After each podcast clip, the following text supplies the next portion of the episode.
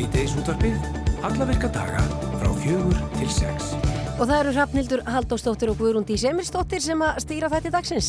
Utryggisráðurar Norðurlandana komu saman til fundar á Ísafjörði í morgun. Bjarni Pétur Jónsson fréttamaður hefur fyllt ráðurunum eftir. Við viljum að heyra í honum í þættunum og fá einna að heyra brotu viðtali sem hann tók við Lars Lökke Rasmussen, utryggisráðurar Danmörku fyrir í dag og af heimsók þeirra á Bólafjall og ímislegt fleira.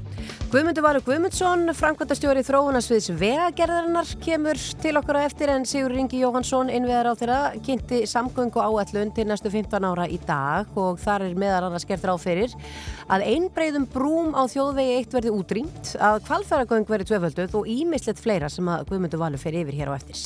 Gíja Holmgjörnsdóttir, hún flyttir okkur fréttir á norðan frá Akureyri eins og alltaf á þriðutöfum og í dag ætla hún að fjallum bíladaga, fær til sín í hljóðverð fyrir norðan Jónas Frey Sigur Björnsson sem er öryggisfulltrúi og kynir á bíladögum. Og svo er það Bjartmar Guðlöksson, tónlistar og myndlistamæður, hann er sjötugur í dag og af því tilefni þá ætlar hann að koma til okkar í síðdeis útvarpið strax að loknum fimm fréttum. Í nýjútkominni bók sem ber heitið þá breyttist allt er rætt við 11 einstaklinga sem að mæti kannski kalla nýja Íslendinga. Sumir fluttu til landsins vegna átaka heima fyrir, aðrir eldu ástina eða fluttu vegna vinnu en sögurnar eru ólíkar á baku hvern og einn. Það er Guðrjur Haraldsdóttir og Margret Blöndar eru höfundar þessara bókar og við ætlum að heyra í Margreti í þættinu. En við ætlum að byrja þessu. Guðlaugur Þór Þórðarsson, umhverfis orku og loftlagsráð þeirra er statur í Berlín. Í gæri átti hann tvíliða fund með Róbert Habeck, efnahags- og loftlagsmálar á þeirra og varakanslara Þýskalands. Fundurinn fór fram í Norræna samkómuhúsin í Berlín en samtímis var jarðhita viðbörurinn Our Climate Future haldinn. Og Guðlaugur Þór, hann er á línni. Kondur sæl og blessaðu Guðlaugur. Sælar. Já, segð þú okkur, hvernig gekk þessi fundur uh, ykkar Róbert Habeck í, í gær? Hann gekk mjög vel og, um, og sömulegist þessi viðbyrður sem var uh, skipilaður af uh, sendiráðinu og Íslandsstofur og það komist færri aðein vildu uh, og stóra myndin er þessi að það er svona renna upp fyrir fleiri fjóðum og þau geta gert hluti sem við viljum gera mjög lengi og erum í hómsum að geta gert. Og það er það að mynda jærhýttan og það kann ekki að vera eins og Ísland til þess að þetta nýtt jærhýttan til húsipna sem er okkur eitthvað stóru verkefni um núna. Já, Guðlaugur, það er aðeins slæmt samband uh, þar sem að við heyrum aðeins ít líðir Þú ert kannski stattur einhver staðar inn í einhverjum uh, fyrirlestra sal, maður veit ekki Hvernig er þetta núna? Er þetta betri með núna? Þetta er allt annað. Þannig að þú varst að koma því að það væri að renna upp fyrir þjóðverjum að þeir þyrtu kannski að fara að nýta eitthvað jarðhitta. Viltu segja okkur aðeins betur frá þessu? Já. Já, í rauninni sko, þarna, við þekkjum það nú og okkur finnst það sjálfsagt að nýta jarðhitta til að hitta húsin okkar. Um, og við, við, við búum alltaf við það að vera, þetta, uh, vera Ísland með gríðarlega mikið jarðhitta. En við notum alltaf líka mjög mikið sko lághita til þess að gera og það eru, þeir möguleikar eru út um alltaf þeim, ekki síst í Evróp og ekki síst í Þískalandi. Og þetta hefur bara ekki verið á ratunum en nú er aðeins þeirra auðu opna og við höfum verið að reyna opna auðu þeirra fyrir þessum möguleikum og samstarfi okkar á milli þannig að við getum nýtt þetta græna hugvit okkar í öðrum löndum og ekki síst í Þískalandi. Já, þannig að það er þá kannski hægt að segja það að þessi risa þjóð, þjóðverjar sé að líta til okkar og, og nota okkur kannski sem svolítið fyrirmynd. Já, það er nú almennt að þegar að kemur að þessum málum að þá líta menn til Íslíka vegna þess að við höfum gert hluti sem aðri hafa gert lítið að í mjög langar tíma, næri hundra ár. Og það er nýting jarvarmans og eins og það hefur verið svolítið kærleus eins og við tekjum, það var nokkuð mjög skísla á mínu vegum sem sínda tveir þriðju hittaveitinu á Íslandi verið að komast í, í vandræði vegna þess að við höfum ekki viðfaldið uh, því að, að, að uh, sjá til þess að hér sé að við sem hugsa til út hér og framtíð fyrir kemur sem það er betri. Aðalatrið er þetta menn hafa litið til okkar við höfum náttúrulega ná mjög lengra heldur aðra fjóðis í að nýta græn orku sérstaklega njárvarðum og uh, það kemur mörgum spónstyrjusjónir ef við áttum sig á því að þetta er gert líka. En uh, þá er það hverju kunna þetta? Jú, það eru við Íslingar og í þessu fyrir skrýðarlega miklu möguleikar hjá okkur og íslensku fyrirtækjum og, og rannsóknaræðilum að vinna með öðru þjóðum og ekki síst þjóðurum. Mm. Og hver eru þá næstu skref á að setja af stað eitthvað ákveði ferli hvað þetta varðar eða hvernig verður það? Já, við rættum nú mjög margt uh, aðalega þetta er svo yfir svona mál þannig að við ætlum bara aðeins að struktúra það og hvað í dag hvernig við getum farið í þessa, þessa hluti. Þeir eru alltaf búið við það, ég meina þegar þetta er að vera orkuskipting sem við fórum í fyrir lungu síðan en það er að segja að það fari græna orkuskipting verðandi húsittum í, í Þýskalandi og það er 80% orkunum fyrir að fer, 35% fer í húsittum orkan og uh, það er náttúrulega það, alveg, það er alveg borðleggjandi að þeir geta nýtt þetta og myndu auðvitað sér verkefnið mikið og uh, það er, ég lagði áherslu að það og við erum sammálað það að við myndum kortleika það hvernig þetta samstarf getur orðið á millilandana því að þarna höfum við sög að segja og uh, reynslu sem að getur nýst öðrum vel. Mm. Spennandi tímar framöndan, Guðlaugur Þór Þórðarsson, bara takk fyrir að vera á línunni hjá okkur og gangiði vel í Berlín. Þeir eru bara kæra þakkir og góða hverju heim. Takk, takk, bless. Bless.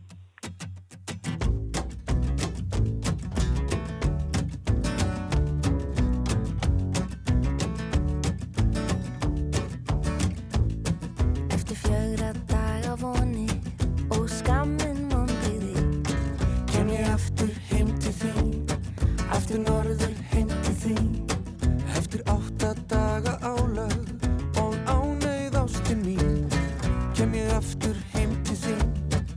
kem að sunnan heim til þín en ég næ svo illa áttum og ég fer svo ofta leið ég fer svo ofta leið ah.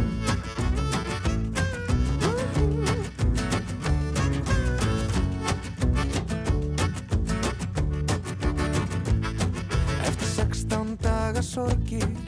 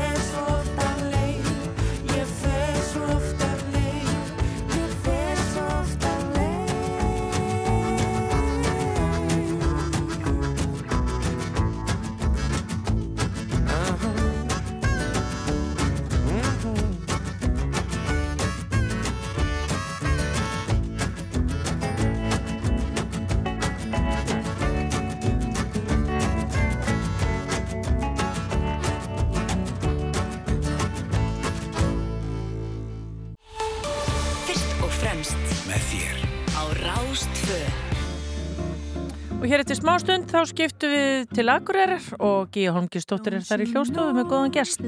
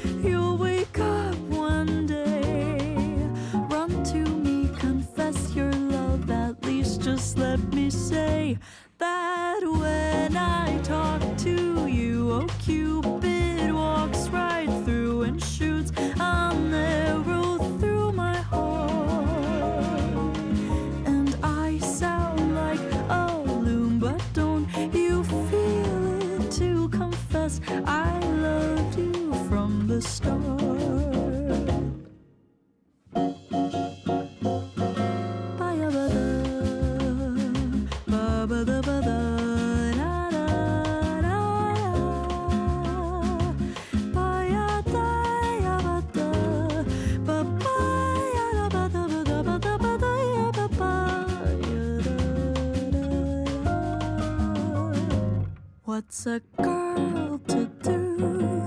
Lying on my bed, staring into the blue.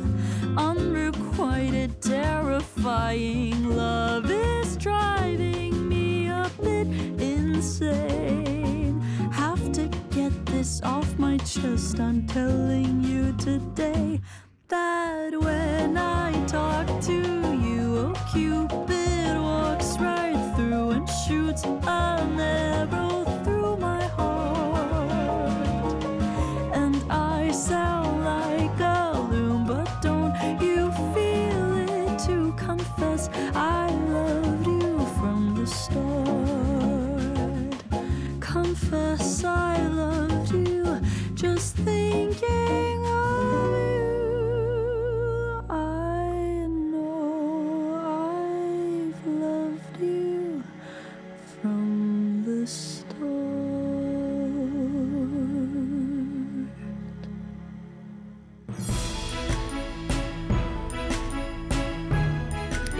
Jæja, þetta vita nú hlustundur síðdeis út af sinns að, þið, að þýðir bara eitt og það er það að við erum konið í samband við hitabilgjuna á Akureyri, Gíja Holmgjörnsdóttir, hvað er sæl að blessu? Sko með sælar, ég þóri valla að tala við ykkur. Nei, Það er svo gott við hérna. það er að vísu geggja líka hérna núna. Já, við, já, það við, er getum, gott. við getum fagnað í dag, þetta er svona fyrsti dagur sem er já, þannig að maður gætt farið út á bolnum Já, já, já, en, en þið eru nú bara nánast búin að vera að fara út uh, bera ofan í lengri tíma það er bara svoleiðis. Hér liggja bara allir eins og ráfið út um allt í solbæði og allar svalir fullar af fólki. Bara, uh, þetta er bara rosalegt. Já. Þetta er auðvitað bara indislegt og gaman að hafa sömurveðri svona og ég vona svo innilega að allir landsmenn fá að njóta svona sólar. Eitthvað tíma brálega allavega. Já, en hvað er annars títt í bænum? Nú, það er ímislegt framundan, eh, alltaf á þessum tíma, þá eru það bíladagar sem að herrtaka svolítið bæinn. Eh, Bíladagar byrja á morgun og ég ætla nú að fjalla eins um þetta, þetta stórmerkilega, þessa stórmerkilegu hátíð og ég ætla að byrja á bara, segja mér ef þið heyrið þetta hérna.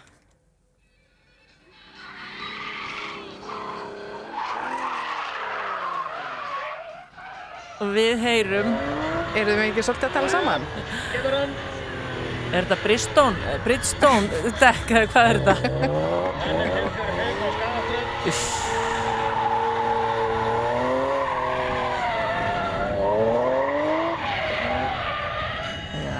Sko, það er bara einn maður hér sem getur sagt okkur hvað við erum nú eiginlega að hlusta á. Og það er viðmælandi minn Jónas Freyr Sigurbjörnsson, vertu velkominninga í stúdíu okkar á Akureyri. Takk hérlega. Þetta hljóðbrot sem að hlustendur heyrðu hér, hvað erum við að tala um? Þannig erum við sennilega að tala um drift. Það er ekki ólíklegt. Þarna, þarna keppa mennum að keira skakt í rauninni. Kera skakt? Já, það má segja það. Það er uh, uppsett braut sem að, að, markmiðið er semst að, að- bílinn keiri aldrei beint. Hann sé alltaf í spóli og alltaf á leið til hliðar. Já, já, já, Það er markmiðið með drifti. já, og það er, já, einmitt, og það er bara að drifta. Já, það er hið, hið, á íslenskunni skrið, Já, einmitt, drift. drift, skrið. En það eru bíladagi framöndan eins og ég kom inn á hérna áðan uh, og það er margt á dagskráni og þeir byrjið þarna á morgun. Mér langar aðeins að fara bara í gegnum, uh, sko á morgun byrjið til dæmis Auto X, hvað er það? AutoX er, uh, þá er sett upp keilubraut á Malbyggi sem að uh, er í rauninni bara þannig að það keirir eitt bíl í einu, það er tímataka, það eru refsi sekundur fyrir að keira á keilur og það er bara sá sem á besta tíman úr þremur umferðum vinnur. Já, já, já. Svo er það driftið, Svo er það driftið á. við vitum hvað það er núna, Já. keira skakt, Já, rallycrossið. Þetta hefur aldrei verið áður. rallycross hefur ekki verið áður á bíladöfum, nei. Við heldum eina rallycross-keppni okkar fyrstu í mörg ár í fyrra á nýrri braut, glænýrri braut upp á bílaklúsvæði og nú ætlum við að henda þessu inn á bíladaga og, og, og verður vonandi bara alveg geggjað. Mm.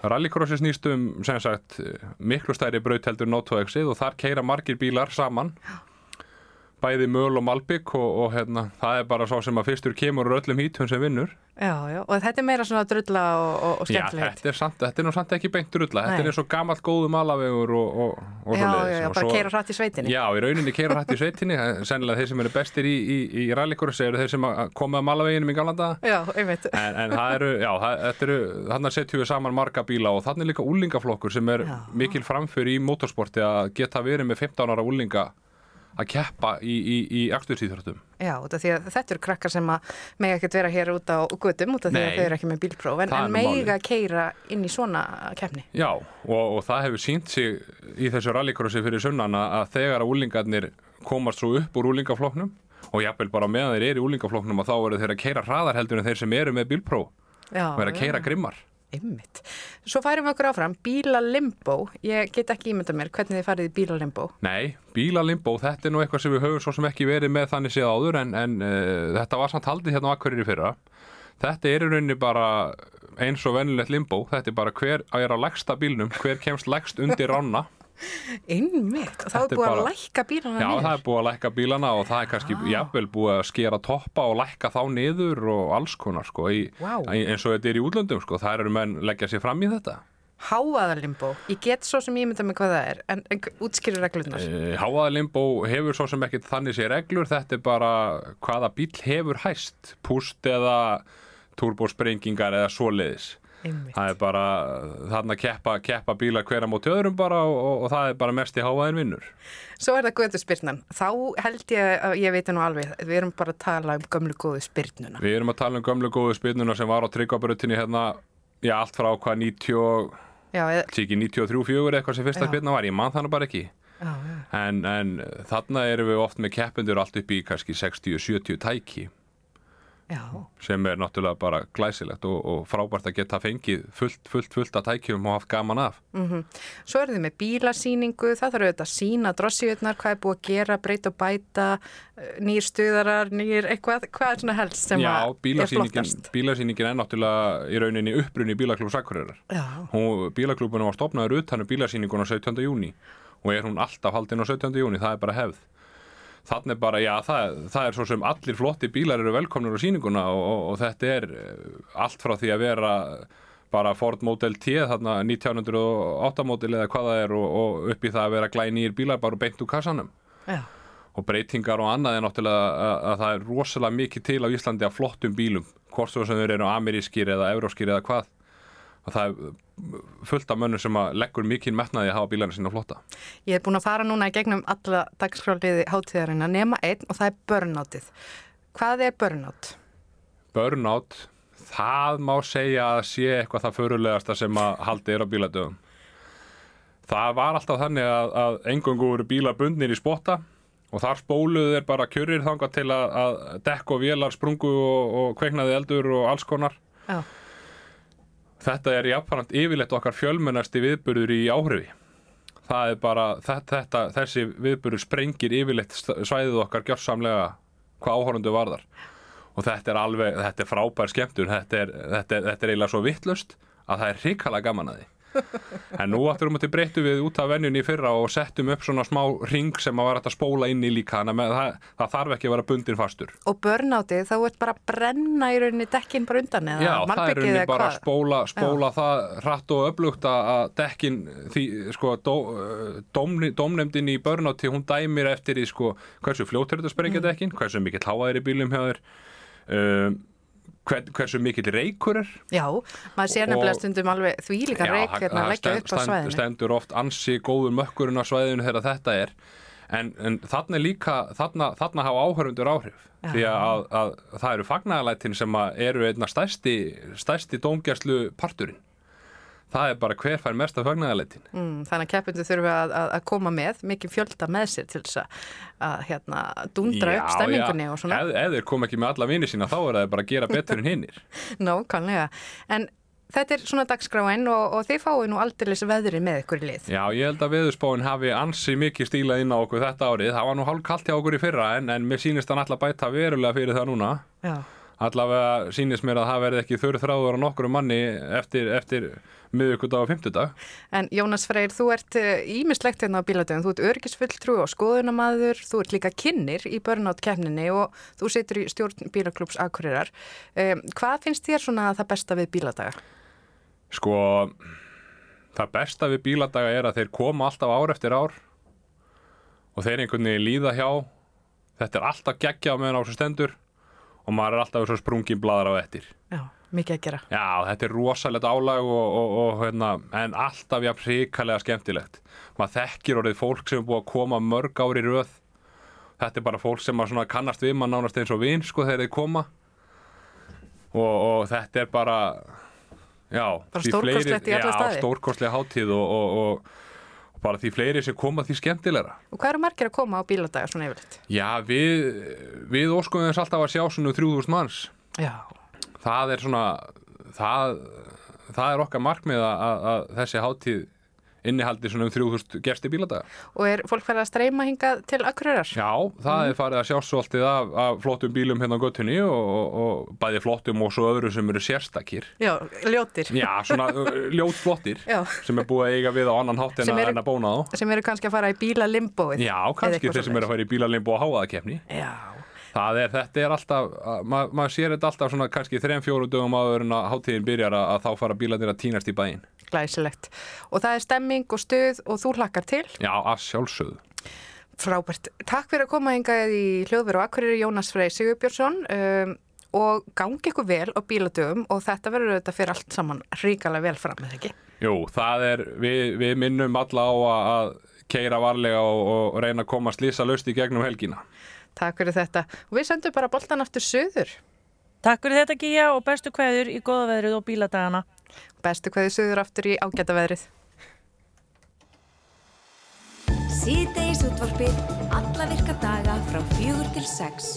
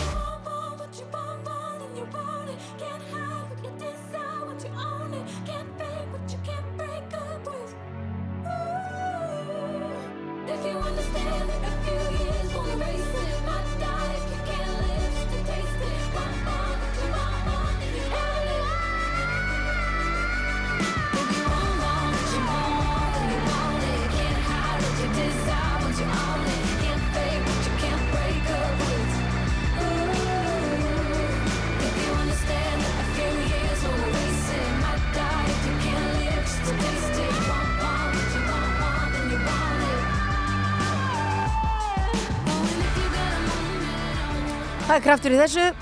Þetta er Maggie Rogers og lag sem heitir Want Wants. Já og uh, það er, uh, já það er utaríkisáðurar Norðurlandana. Þeir hafa verið á Íslandi núna einhverja daga og það sem meira er, þeir fóru vestur, þeir eru búin að vera að funda á Ísafjörði. Uh, Bjarni Pétur Jónsson, fréttamæður, hann er búin að fylgja þeim eftir eins og skuggin og uh, við erum komin í samband við hann og hann er auðvitað bara á, í fæðingabænum sínum, Bólungavík, hvað er sætla að blasa þér? Já, ég er hérna, komið í selu, ég er komin út í Vík, ég var að, hérna, kom til Ísafjörðu til gerðmorgun og hérna búin að fylgja þeim ráðþörunum fimm eftir eh, alveg síðan, fundur um laug núna bara hérna eftir hátegi svona um tvöleitið og, og þeir svona vantilega að fara að tíja sig og svo séu við bara jafnvel komin út á fljóðal núna. Já, en það var, hún var spurðað í gerðun Þórtís Kolbrún, uh, hérna, af hverju var farið með þau vestur? Uh, hún sagðist bara við hafa viljað sína þeim eitthvað annað heldur en bara Reykjavík. Já, og svona kannski hennar tengingar aðeins vestur líka og ég held að það hafi verið svona stór hluti af uh, ástæðinu fyrir því að halda fundin hér er að þetta verður allt svona aðeins afslappara og þægilega fyrir þau, svona fundir eru uh, svona almennt frekar formfastir en þegar þau koma svona aðeins saman í aðeins afslappara andrúsloft og þá er þetta hérna mikið já. og andrúslofti hefur verið alveg uh, bara virkilega afslappað hérna og kannski aðeins of afslappaða því að við, sko, þau hafa verið svona ringla til með dagskrána fram og tilbaka. Það átti að uh, fara með þau í hérna útsýnisverð hérna upp á Bólafjall í hérna í gær morgun en, eða nei í morgun en við fórum í gærkvöldi af því að það var bara svo fallegt útsýni og hérna aðeinslegt að komast þarna upp með hérna og allir ráþeirarnir og þeirra fylgdalið þetta alls sælir með hérna með allt saman. Já, ummitt. Bara svona, já, hvað eiginlega var verið að ræða þarna?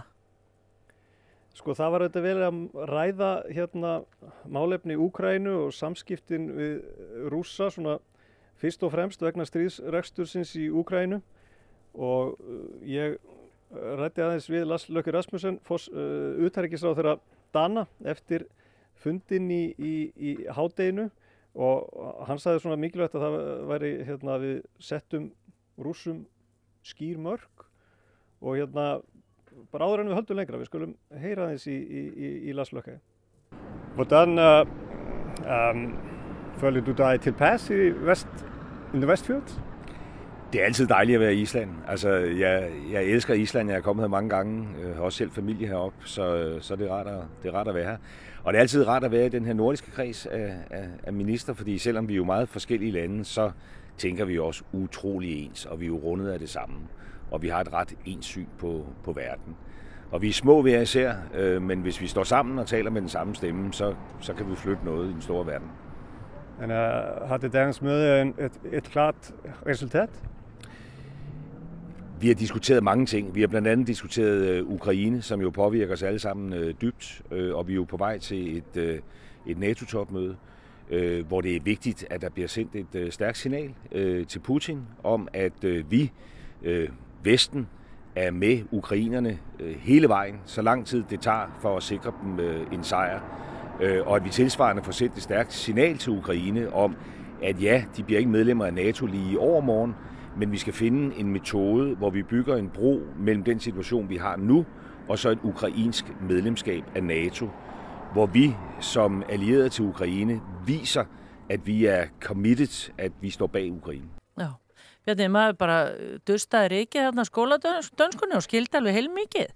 Það gerði ég líka. Ég er svona spurði eiginlega hálfpartinn átjúlega Íslandi og nokkur neginn þannig. En hann auðvitað elskar Íslandi og komið hérna, hingað margóft. Lars Lökke var auðvitað fósættis á þeirra, tók svo við utarrikiðsáðundir í fyrra og hann svona eins og við heyrðum, hérna, segir þú veist á Norrlundin séu stundum ólík, þá er alltaf sterk líkindi og hugsanagangurinn svipaður og, og svona var allir staðið saman og þá væri röttin hérðan sterk og hún ætti að heyrast vel og rúsar ætti að fá að vita því veist, að stríðsrekstur þeirra hefði afleðingar og það væri mikilvægt að halda samskiptunum og opnum við rúsa ekki loka alveg á þau yfirvöld hér, svona færði sér svolítið nær því fyrir helgina með því að loka sendiráðin í Moskvu og krefast þess að dreigir úr starfsemi sendiráðsins sendiráðs rúsa hér. Þannig að en það er auðvitað opið ennþá fyrir samskiptin en, en Laslakau var svona á því að það væri mjög mikilvægt að, að, hérna, að svo er þið áfram þrátt fyrir allt. Já, þannig að þetta hefur svona kannski verið svona megin þema á, á þessum fundum eða já, þegar hérna, í þessu tækifæri þau hittast.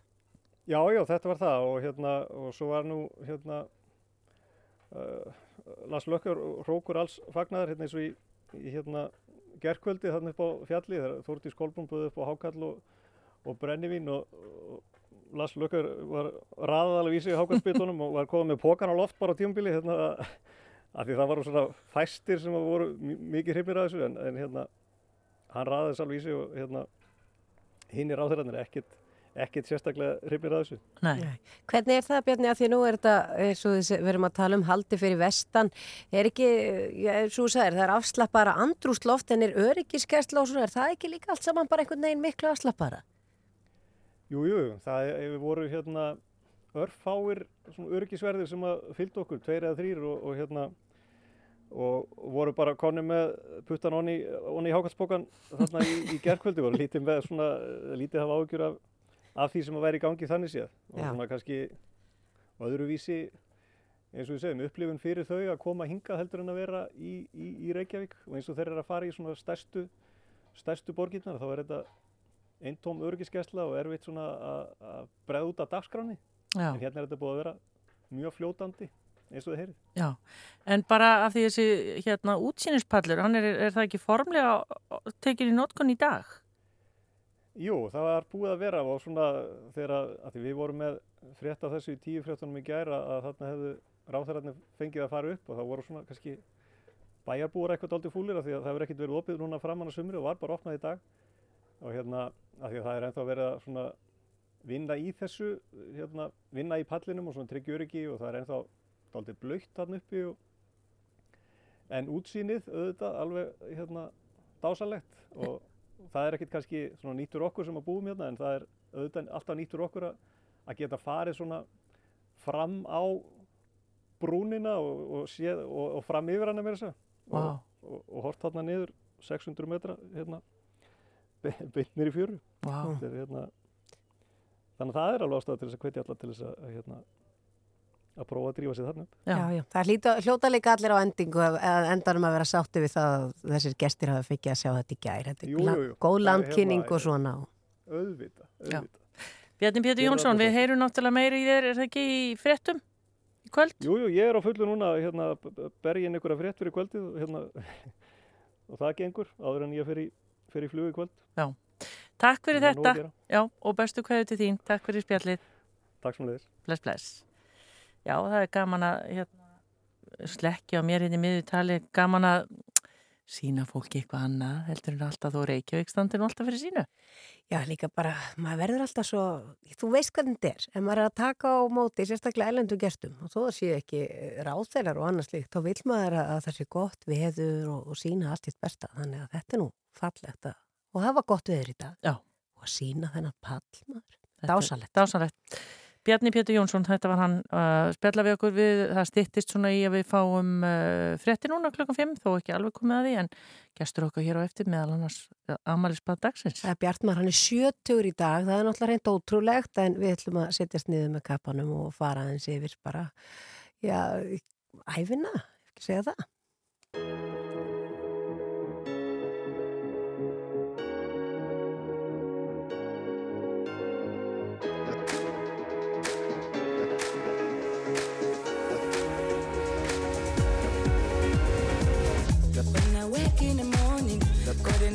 Silver surround me. All I need, all I see is colors and magic. Always there when I need it, like a sun through the rainbow. In the light, we can glow. Never forget that.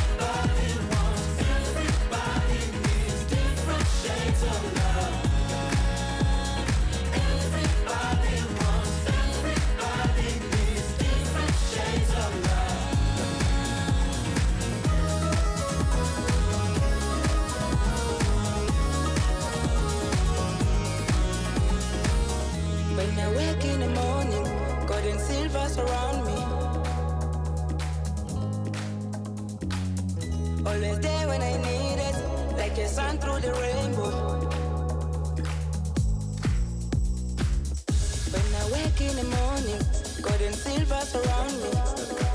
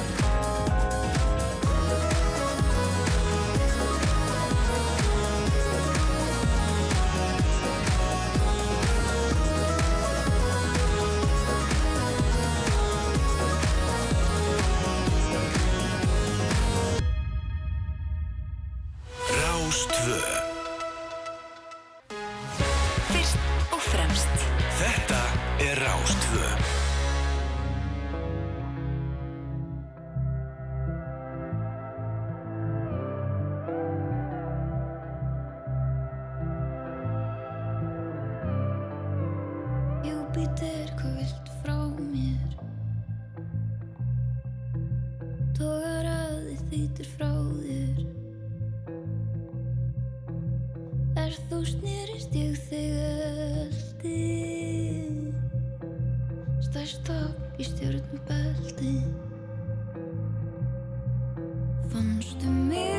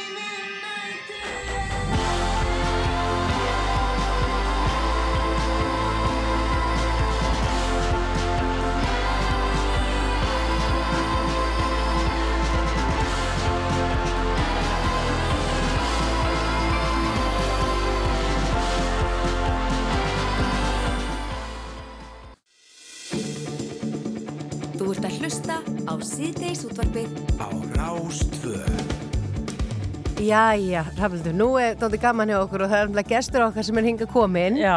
sem að við sögðum að væri 70 í dagar, stór ammali Já, okkur var sagt það. Við nefnum engin nöfn. Hann er sem sagt uh, við hittum hann hérna sagt, takk fyrir að yngja með um eitt ár hann Já. er 71 ás og hann heitir Bjartmar Guðlusson tónlistar og myndlistamæður góndis allar blessaður Komið sælar. En þú náttúrulega lítur ekki út fyrir að vera deginum eldur en bara 50 ára sko. Já, takk fyrir það. Já, þú bara, þú, þú, þú eldist ekki Já, þetta er einhver, já, stoppaði einhver stað þróskinn, sko.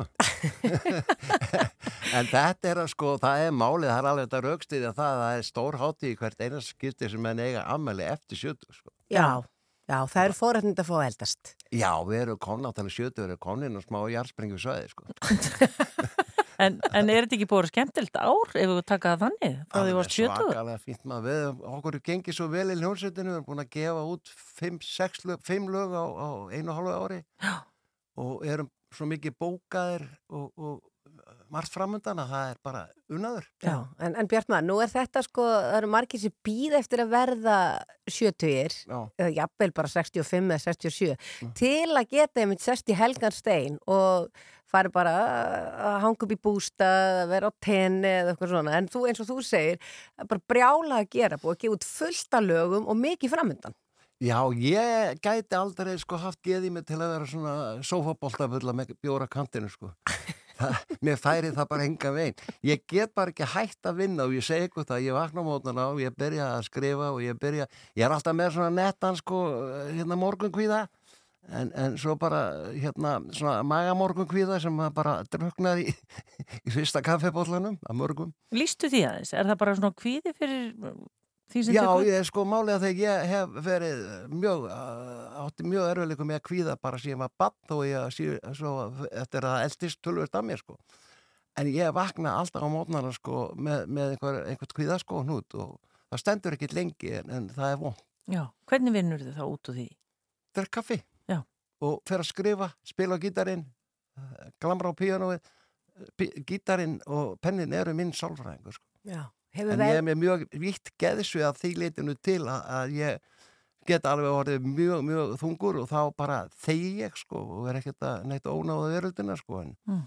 en svo bara koma öldu topparni lífið er nefnilega svolítið sorglegt en við erum alltaf að horfa á þessa toppa sem við heldum að sé gleði.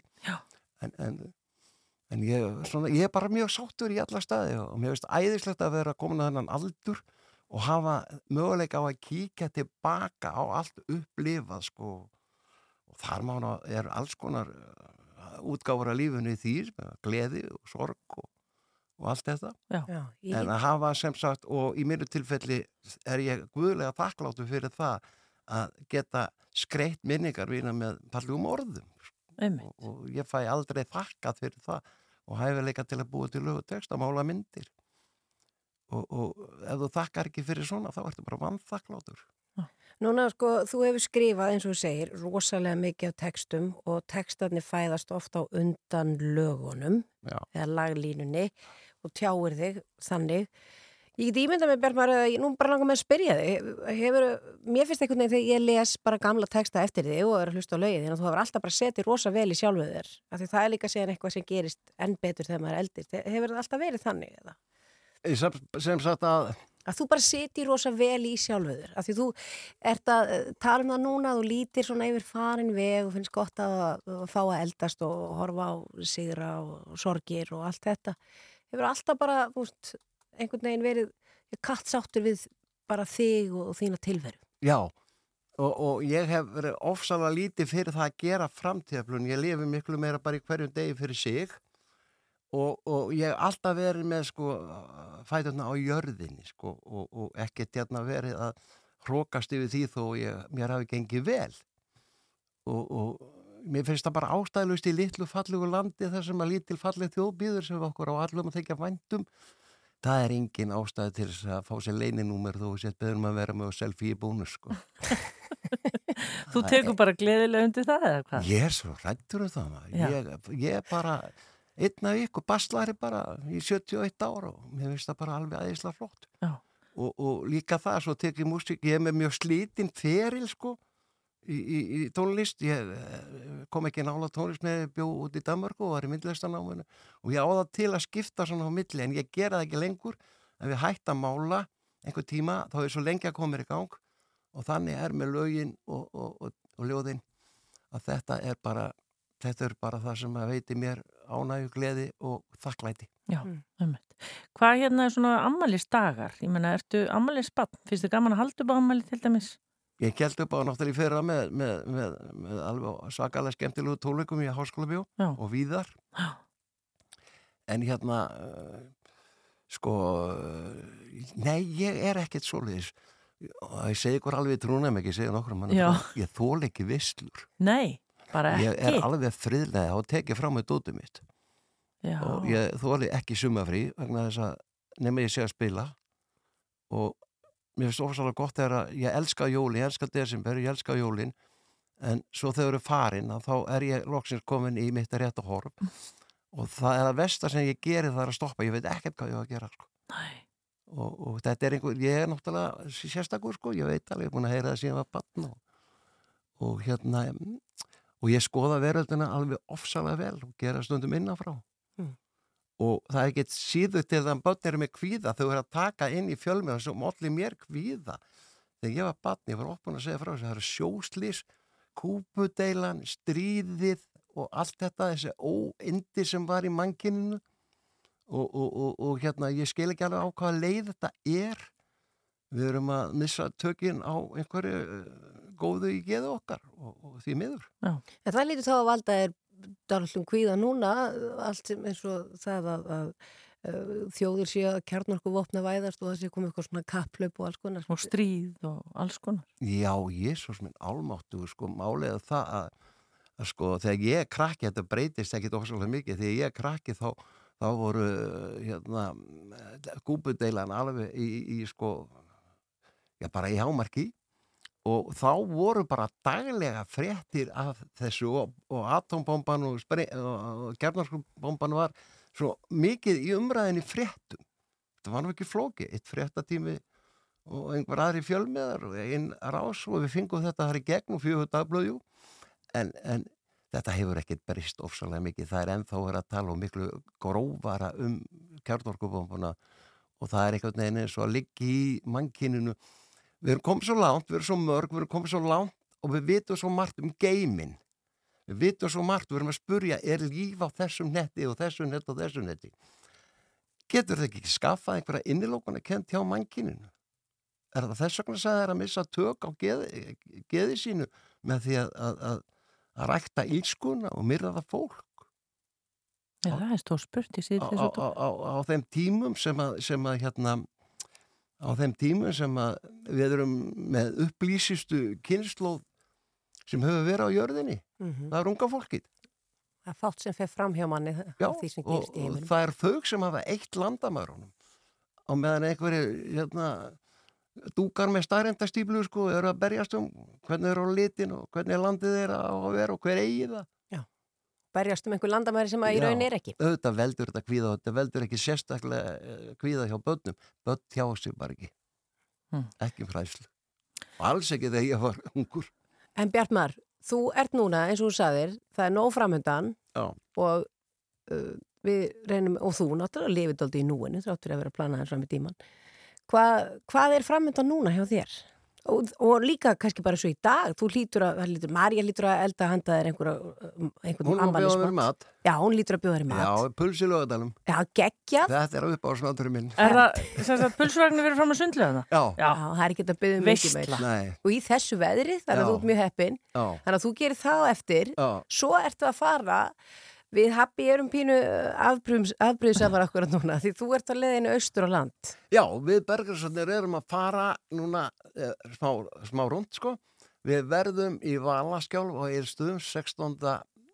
júni Á förstu daginn og, á fyrstæðin og þar eru tónleikar og eru tónleikar og, og allt þetta og með þess að láta og allir pakkin og svo förum við til Akureyrar og við erum á græna hattinum sem sagt um kvöldið 17. júni og ég verð svo hérna sem sagt að út í skemmtunni sást að syngja játkallinni eða súrmjölkinni eða eitthvað slíkt sko. Þann 17. á Akureyri. Ha, Þú verður sem sagt þann 17. á Akureyri. já, þar á já, útskemmtun. 17. á Akureyri Og þetta er, meina, það eru fá, það er rosa gaman að vera á Akureyri þann 17. júni því að það náttúrulega eru útskrift, það eru útskriftur og MA og, og þá nýstúdundar og annað þannig að það er mikið gleði. og mikið Bíladagar. Já, bíladagarnir að þeim ókliptu fram til tíu ára, ekki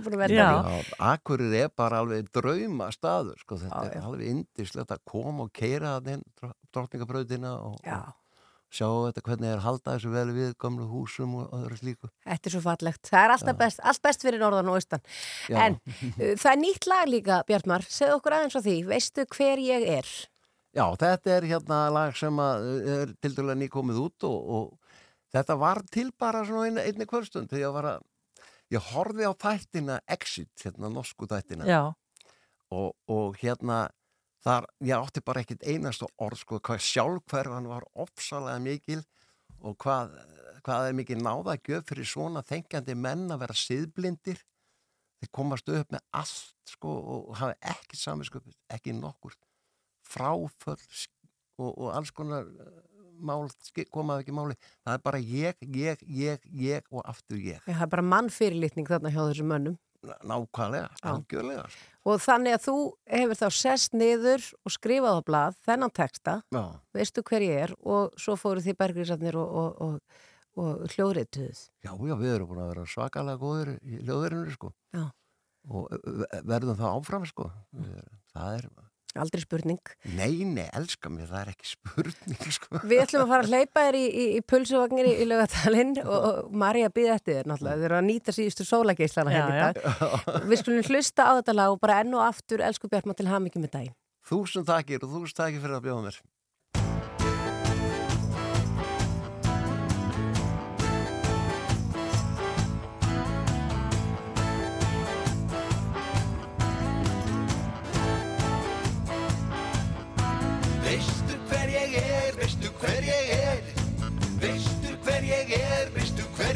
ég veit að var það sjálfur Segðu mér, segðu mér.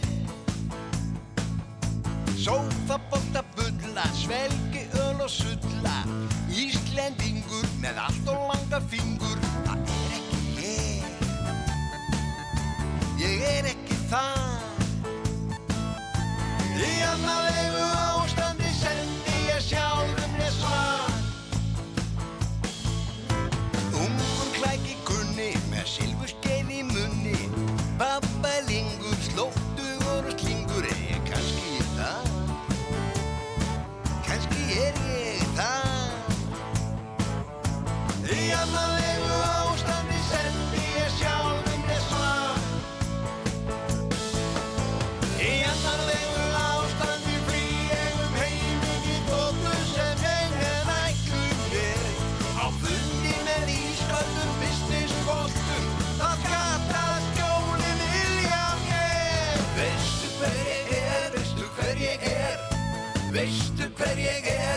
பெரிய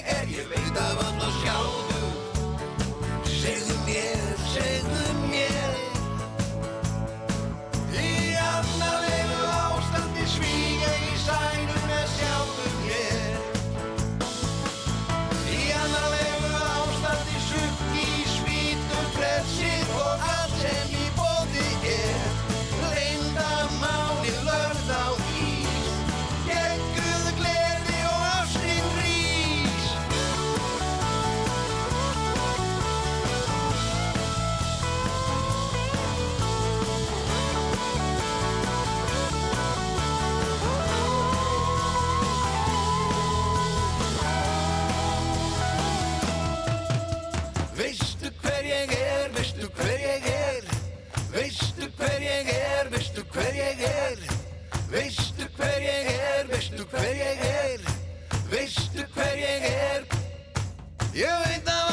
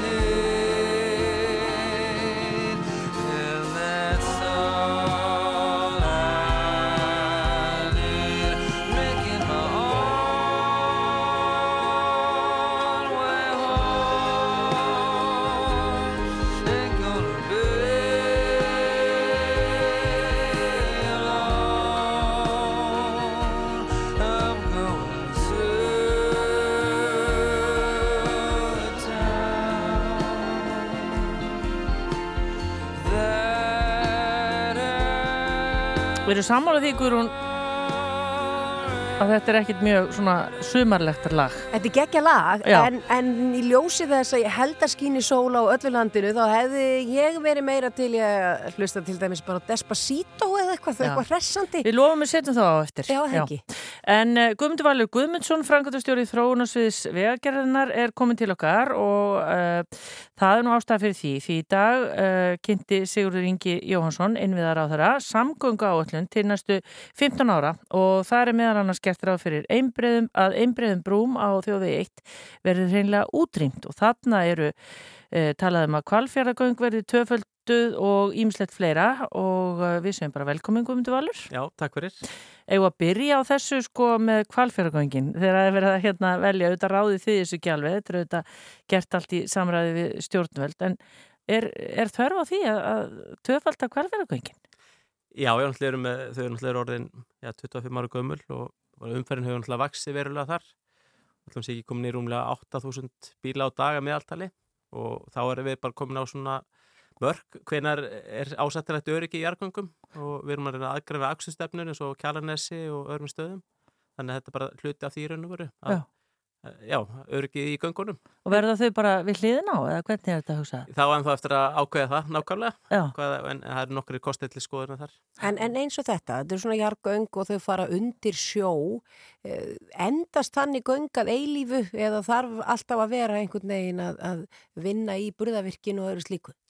Nei, nei, þau endast náttúrulega bara mjög vel en, en það sem er kannski, það er bara svona auknar öryggiskröfur í jargöngum að, að fyrir lengri göng og að þá er gera krafum að sé eftir sem umferðum meira að sé þá e, flotta göng er unni hægt að komast út úr þeim þegar eitthvað kemur upp á sem, sem betur fyrir gerist mjög sjaldan.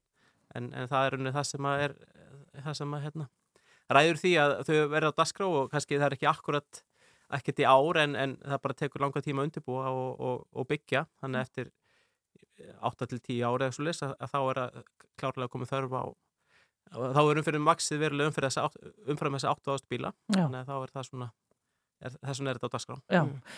það, svona, hvað finnst þér, þetta er þetta, það er talað um sko, þetta eru 260 miljardar, það eru 900 miljardar sem ver- verða varið í samgöngufrankandi, þetta er svo stórar upphæra, maður eiginlega bara á ekki orð og þar hafum 260 miljardar á næstu 5 árum. Mm. bara, hvað finnst þér svona mest spennandi bara fyrir, sko, ef að hlustundur eru svona, já, hvað? Er náttúrulega bara eru ákallum betri samgöngur á öllum sviðum og segja. Bara hvort sem er að, að aðskilja akstustöfnu umferðumestu vegum eða, eða koma bundnu stillægi á malavegi út, út til sveita. Og það er með þess að millið þéttbílistæði ennþá malavegir. Uh, og ekki síst er þetta þá svo er kannski líka þjónustan, vetarþjónusta er náttúrulega ákallum aukna vetarþjónustu að sé mókað oftar og, og meira heldur en er gert í dag. Og hluta þessum upphæðum sem nefnir er þá er allur. Rekstur vegagerinn, já, eins og vegagerinn er alltaf ekki rúmlega 40 miljardar á ári þessi næstu 5 ár sem er til vegagerðarinnar. En það er að vera líklega 6 miljardar í þjónustu og, og 6-7 miljardar í, í ferjur og flug og annars líkt sko. En, þannig að framkvæmdi sem slíkar er, er ekki nema kannski rúmlega helmingur af þessum, þessum upphæðum sko. Eins og í, í ár til dæmis. En það hlýtur að vera mjög brínt að fara í það að útrýma einbreiðum brúm eins og Rafnildur kom inn á hérna. Hve- Hvenær stefnið þið að vera bara búin að því? Já, ég held að við erum aldrei búin að útræða með þeim alveg en, en við erum en á þeim stöðum þar sem við viljum hafa þær sumstæðar er bara lítil umferð og það er mega að vera einbreiðar áfram En svo þjóðvegi. en á þjóðu eitt, já, já, en að það á þessu tímambili 15 ára tímambili að þá, þá teljum við okkur geta þessar 29 sem eru eftir að, að það er eftir, þeim ætti að vera lokið það endur nýja þær á þessu tímambili Já, einmitt. Svo fannst okkur líka spennandi göng undir Öxnadalsheiði. Maður hefur nú ekki eh, endilega heyrt ofta því. Nei, nei, þetta hefur verið, verið til tals raun og veru og, Öxdalsæði náttúrulega er bara umferðið mikill fjallvegur uh, þannig að það er, þegar það er röskun á umferð þar þá er, he- hefur náhrif á marga raun og veru og hérna, það er það sem að þess vegna erum við að skoða það, það, það er hugmyndir raun og veru Já, hérna. og, og hvað er vita þar? Er, er auðvelt að gera göngu þar til dæmis? Já, það er hægt að gera göng og það eru til eins og þarna er gerð grein fyrir tilluga göngum raun og veru og svo hafa náttúrulega verið til alls konar hugmyndur líka um göng á tröllaskaga milli eh, yfir í skagafjörðu og annað slíkt en það er kannski ekki þessari áallin en, en, en, en það er, já, það er, það er alveg hægt Þurfum við ekki alltaf að vera að gera göng? Jú, ég, ég held bara samgöngukerfið náttúrulega er bara alltaf í, í þróun raun og veru, þetta þurfum við ekki göng þess að að- þurfum ekki göng allstaðar Nei, en, já, við ættum ekki alltaf að vera allavega að bora ein göng og, og svo taka næstu göng við á að því að eins og þessi listi sem er hér, ég meina þetta eru bara mjög margir staðir þar sem væri mjög gott og jafnvel nöðsynlegt að hafa göng. Já, já, alg- algjörlega. Og og þa- þess vegna eru þau þarna á lista. Og þetta er bara æskilegt að þessi já, frangandi séu svona í öfnum takti bara til að tapa ekki þekkingu og, og menn hafi svona já, bæði fyrir, fyrir þeir sem eru undirbúið göngin og verktakar og aðrir að það- sé bara svona samfella í verkefninu hjá okkur og, og það var ennlega æskilegast að, að það er. Og það er, það er um, frá því 1990 þá vorum við hér um bila að byggja samfellt göng fram til núna að dýrafergöngu opnuðu en nú er búið að vera já, tveggja ára stopp rúmlega í ergangagerð veru. Já, eftir að vala hefða göng voru klár. Já, Já, og, og vala hefði. Já. Er þetta alltaf sami hópurinn sem að, af því maður, sko, ég hef nýbúin að keira hérna um þetta á kjálunni sem að sér þessar frængandir hérna og, og hérna, er þetta alltaf bara, þú veist, er þetta 200 manna hópur sem bara kann þetta og, og veit hvað að gera? Eh, Að framkoma? Já, Að- já. Nei, ég segi, það- nú kannski ekki en það eru náttúrulega fjölmarka verktaka bæði stóra og litla sem eru taka þátt í verkefnum og, Já. hérna, og þetta er menn að, að skipilegja sér langt fram í tíman þegar menn horfa til eh, hérna, að kaupa tæki og, og þjálfa upp mannskap það, það er auðvitað það sem er þannig að það, það er áskoru líka og mikilvægt að halda já, halda dampi raun og veru í, í, í, í því frangvætastíði Já. Ok, það er til þess að komið þessi samgöngu áallun til næstu 15 ára, hvað, hvað er næst? Já, hún náttúrulega er eh, eins og já, ráþæra fóru yfir í morgun að hérna, hún er kynnt þá í þessari samræðskók stjórnvalda núna. Og, en ásvo eftir að fara fyrir alþingi núna í, í haust og, fær náttúrulega með, með umfjöllum þar. Og, þannig fær hún gildi til, til, a, til að vinna eftir henni. Og, hérna, og það er henni næsta sem gerist. Þannig að nú, er- nú er hún til umsagnar. Ég ekki allavega fram eftir sumri fram yfir sumar sem að allir geta sendin umsagnir um, um, álegt, um þingsáleiktun um samkvæmu áallun Já, og bara hvetjum fólk til að taka þátt í því. En það lítur að vera skemmtilegt fyrir ykkur og við að gera nú auðvitað fyrir okkur öll sem við hér búum að, að fá svona, þú veist, að spýta í. Ég meina, þetta er alltaf einhvern veginn svolítið bara, maður heyrir svona neikvægt talað um, um sko, við að gera við okkar.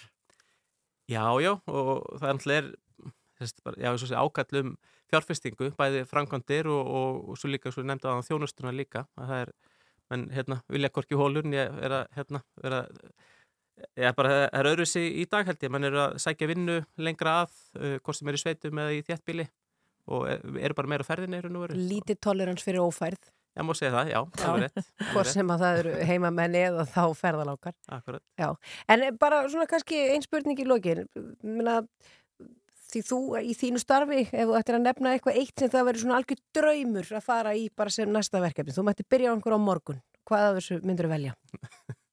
Þetta, þetta er mjög erfið spurning og náttúrulega ótrúlega mörg spennandi verkefni sem er gangi og hérna bæði nú eins og sjáum upp á Kjálnesi og, og við erum að, þá hérna brekkun á veginu þar og brekkun við Reykjavíksbutina út frá Hafnafjörði, gríðarlega mikilvæg verkefni, m- mikið umfæra öryggi sem fælst í þeim og svo erum við að undirbúa útbóðsferðli fyrir e, Brún á Selfossi, Ölfusábrúni Já, það, lítur að vera svolítið spennandi. Já, já, og svo við alltaf fyrir frábært verkefni á hotnaferði, raun og veru, þar eru við með 18 km vegi í framkvæmd núna og fjórar embreða brýr sem leggjast af og sem stýttir hingu einum, já, 12 km ef mann rétt, 12 eða 14. Já, gríðarlega bara mikilvægt upp á umfærur ekki. Já, þannig að þegar svo framkvæmd verið klár eftir já, 2-3 ár, að þá er það bara ótrúlega mikil, mikilvæg stóra áfangi. Já, maður heyri það að Guðmundur Valur Guðmundsson, frangatastjóri þróunasviðis vegagerðinar, hann vill ekki gera upp á milli.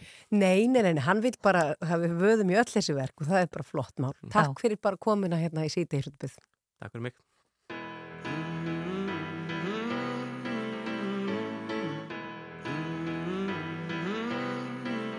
I like the way you talk. I like the things you wear. I want your number tattooed on my arm in ink, I swear. Cause when the morning comes, I know you won't be there.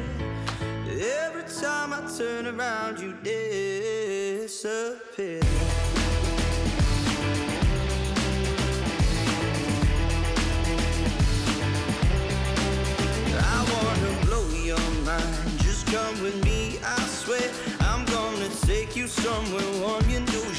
Cause when the morning comes, I know you won't be there. Every time I turn around, you disappear.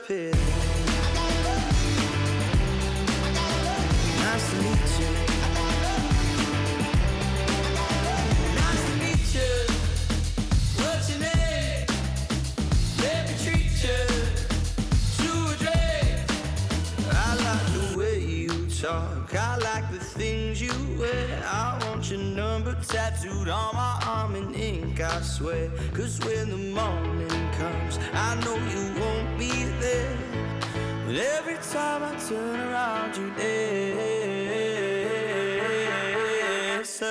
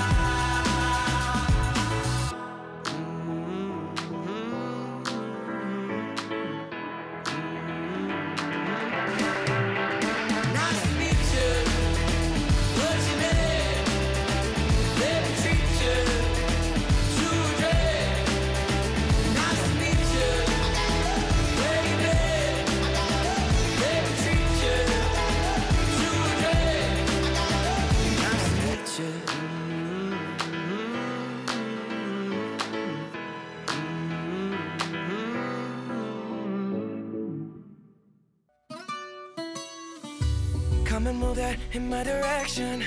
So thankful for that, it's such a blessing, yeah. Turn every situation into heaven, yeah. Oh, oh, oh, you are my sunrise on the darkest day. Got me feeling some kind of way. Make me wanna savor every moment slowly, slowly. You fit me, tailor made love how you put it on. Got the only key, know how to turn it on. The way you nibble on my ear, the only words I wanna hear. Baby, take it slow so we can last long. Tú, tú eres el imán y yo soy el metal. Me voy acercando y voy armando el plan. Solo con pensarlo se acelera el pulso. Oh yeah, ya, ya me está gustando más de lo normal. Todos mis sentidos van pidiendo más. Esto hay que tomarlo sin ningún apuro.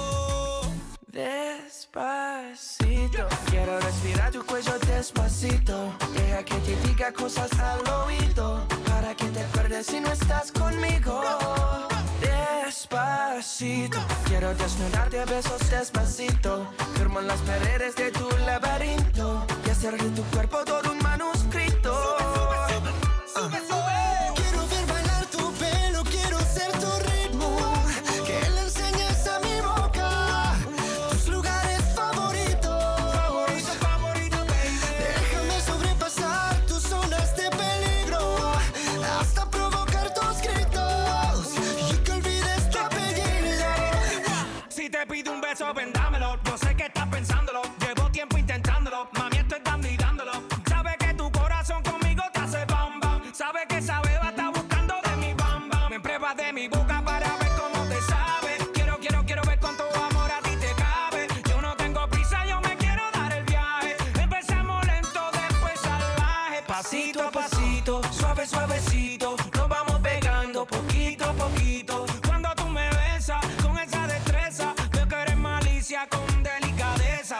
Pasito a pasito, suave, suavecito. Nos vamos pegando poquito a poquito. Y es que esa belleza es un rompecabezas. Pero para montarlo aquí tengo la pieza, oye.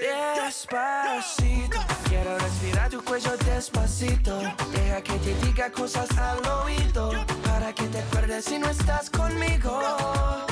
Despacito, quiero desnudarte a besos despacito. Firmo en las paredes de tu laberinto. Y hacer de tu cuerpo todo un manuscrito.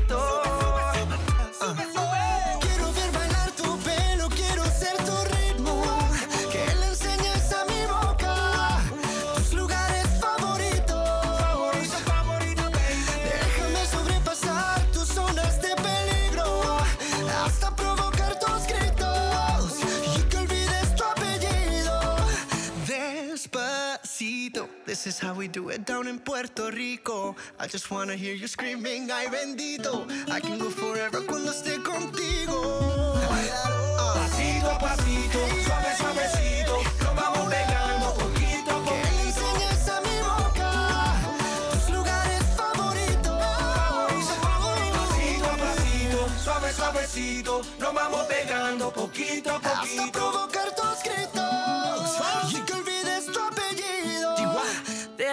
Despacito.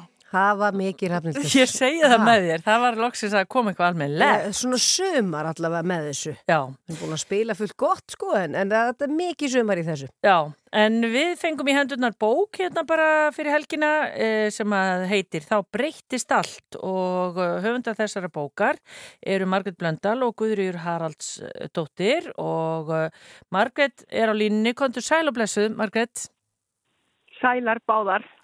Þessi bók, hún fjallar, eða að þetta eru frásagnir fólks sem hafa flutt til Íslands af alls konar uh, ástæðum. Já, þetta eru sko 11 einstaklingar sem eru að segja sögu sína og það má kannski segja þetta sé svona bara klassísk íslensk forvitni í okkur, gurri og hérna og bara, bara forvitnast um fólk og heyra sögurnar þeirra því að það er náttúrulega þannig að það eiga sér allir sögur, auðvitað mis áhrifamiklar og misskemmtilegar og allt svo leiði sko en þetta fólk á allt saman sögur sem að hérna eru virkilega þessi virði að segja þær. Já, og ég meina, hvernig fengu þið hugmyndina? Ég meina, af því að stundum hittir maður fólk á förnu vegi og þú ert nú, og þið báðar hafið starfið í, í hérna bladamennsku, en hugsuðu þið, það þarf að segja þessa sögu, það þarf að setja hann í bók. Sko, reyndar þá er ég, er ég búin að hugsa þetta daldi lengi og í mörg ár og við reyndar báðar þó, þó að hérna, og fyrir mörgum árum gerði ég sjónvarsvætti fyrir N4 sem að hétu nýjar Íslandingasögur og voru, þá voru sex einstaklingar sem að sögðu sögu sína. En svo bara, svo sem hefur ekkert gert neitt meira með það, en svo hringdi bara Ásmundur Helgarsson, útgefandi, og þá höfðu þau, hérna, hjónin, að veri, hann og Elín verið að ræða hvað, hvað vantaði og þau bara eiginlega sögðu bara það vantar þessar sögur. Við þurfum að heyra þessar sögur og hringdi í mig og ég sagði bara já og hérna hófst handa og fór að leita fólki því að það er náttúrulega eitt er eiga sögu og annað er að svona vilja deilinni og segja frá en það voru allir svo dásamlegir og til í þetta og jákvæðir og bara einhvern veginn tilbúinu til þess að leggja sitt að mörgum til þess að sína fram á bara hvað samfélagið okkar er orðið fjölbreytilegt og skemmtilegt Mm. og svo fekk ég stórt verkefni upp í hendunar að hérna stýra nýri deilt hjá Árborg, menningadeilt, menningar og upplýsingadeilt, þannig að þá var nú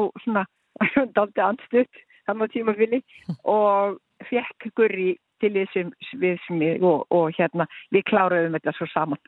En hvernig er það, Margrét? Af því að núna eru þið búin að taka við tölu eða og, og tala þarna við og fá sögur margar einstaklinga og bara maður flettir hérna úr, það er hérna kona frá Tælandi, einn frá Ghana, einn frá Úkrænu, hérna eru hjón frá Kína. Á, á þetta fólk eitthvað, eh, ég myndi það segja að því að þið verið vel tekið hér á landi? Já, svona, þú veist, ég myndi segja það, svona heilt yfir, þá, þá hefur það verið þannig. Þau hafa svo sum öll kannski lent í ímsu, en til dæmis eins og meðan Minghai sem er frá Kína og var fenginn hingað í tilraunaverkefni, e, svona nálastunguverkefni á hérna, heilsustofnun í hverjargerði. Hann til dæmis hafði ekkit hugmynd um það að hérna, það var litið á sko nálastungur þessi mörg þúsund ára kýmvesku vísindir sem sko skotturlækningar og hindurvikni hér þegar hann kom. Hann vissi ekkert um það og þeir voru ekkert mikið að segja honum það sko. Rangvindustjórin og yfirlæknirinn á sínum tíma. Þannig að hann hérst bara sínu striki og þeir móðust svo í, í hérna pólitíkinni sko. Já. Þannig að það er svona alls konar hliðar á þessu. Já. En já, en þau sko öll hafa þau samt lent í einhverju sem að maður svona, ha, svona sem kemur okkur á óvart, kannski ekkert eitthvað svona rosalega alvarlegt og og sorglegt og átækanlegt, en, en hérna, en ímsu skrítnu. Já. Og það er svona, Og er það eitthvað sem er bara kannski sameigilegt fyrir þau? Ég menna að því mér dætti í huga að spyrja, þú veist, eiga þau eitthvað sameigilegt? Já, sko, þau eiga náttúrulega það samílegt að hafa af einhverjum ástæðum komið hingað og á einhver, einhver tíman í lífið þeirra gerist það að leiðin liggur til Íslands og það er eitthvað atvik í þeirra lífi sem að bara breytir öllu og hérna og þau koma hingað þegar það er náttúrulega samílegt. Eh, mörg þeir að tala um hvað þeim fannst ábúslega hljótt hérna og uh, já, ég held að það sé nú kannski að þau eru alveg að takast á við veðrið og svona, ég held kannski að allir myndi segja þau fylgdi ekki veðrið en það, það er ekkert að, hérna, það er ekkert að ángrafi. Nei, það er bara við sem erum svona upptekinn af veðrunu. Já, og auðvitað er þetta bara eins og, fólk er bara fólk og fólk er alls konar og sumir er eitthvað samílegt og aðrir ekki, sko. Þannig að þegar það er kannski samílegt að, hérna, nálgast bara lífið á, hérna, fallegan og aðruleysan hátt. Já. Frábært, þetta er hérna indislega bók, við vorum að byrja að glugga í henni og erum bara, er ekki bara viðtökur mjög góðar eða hvað? Jú, alveg bara indislegar. Ég er alveg óhætt að segja það. Og svo við erum bara mjög káttar. Ána með það, Margrét, að því að þetta eru, eins og þú segir, þetta eru 11 einstaklingar sem eru þarna að segja sögu sína og þetta er einstaklega aðgengilegt og sögurnar eru líka að þeirri lengt, það geta allir lesið þetta, en það er líka myndir. Já. Mér er svo nöðsilegt að sjá mynd Hvernig skild hún líti út já, eða hann? af viðkomandi. Já. Til Já. að þá getur maður já. enn frekar ímynda sér þetta allt saman. Já, já, og þetta þú sér bara, þú veist, þið gætu bara öll verið bara frá vopnafyrði nánast, skilur við, þannig að þú hugsaður út í að þannig. Akkurat. Já. Til hamingi með þetta. Já, til hamingi með þetta Margrét Blöndal og eins og segir meðhöfundur Guðrýður Haraldsdóttir, bók sem heitir Þá breyttist allt, rætt við 11 einstaklinga sem að mætti kalla nýja Íslendinga. En nú aftur til hamingi og bestu kveður í, ertu fyrir austan í góðverðinu eða hvað? Ég er, já, ég, ég er í fljótsliðinni og það er sólskinn og ég er bara hér með, ég kalla jökul í fanginu og horfi yfir í Vestmannegar og Seljalandsfoss og svona. Þannig að þetta er bara dásanlegt. Ok. Ég held að sumarið sé komið, allavega í dag. Já, það er komið. Takk fyrir spjalli Margrét Blöndal og bara til hamingi með þetta alls saman. Takk fyrir að ringja. Já, bless. Bye. Þá höldum við bara áfram í, í sumar tónlistinni. Ég held að það sé bara alveg mjög svo viðeigandi.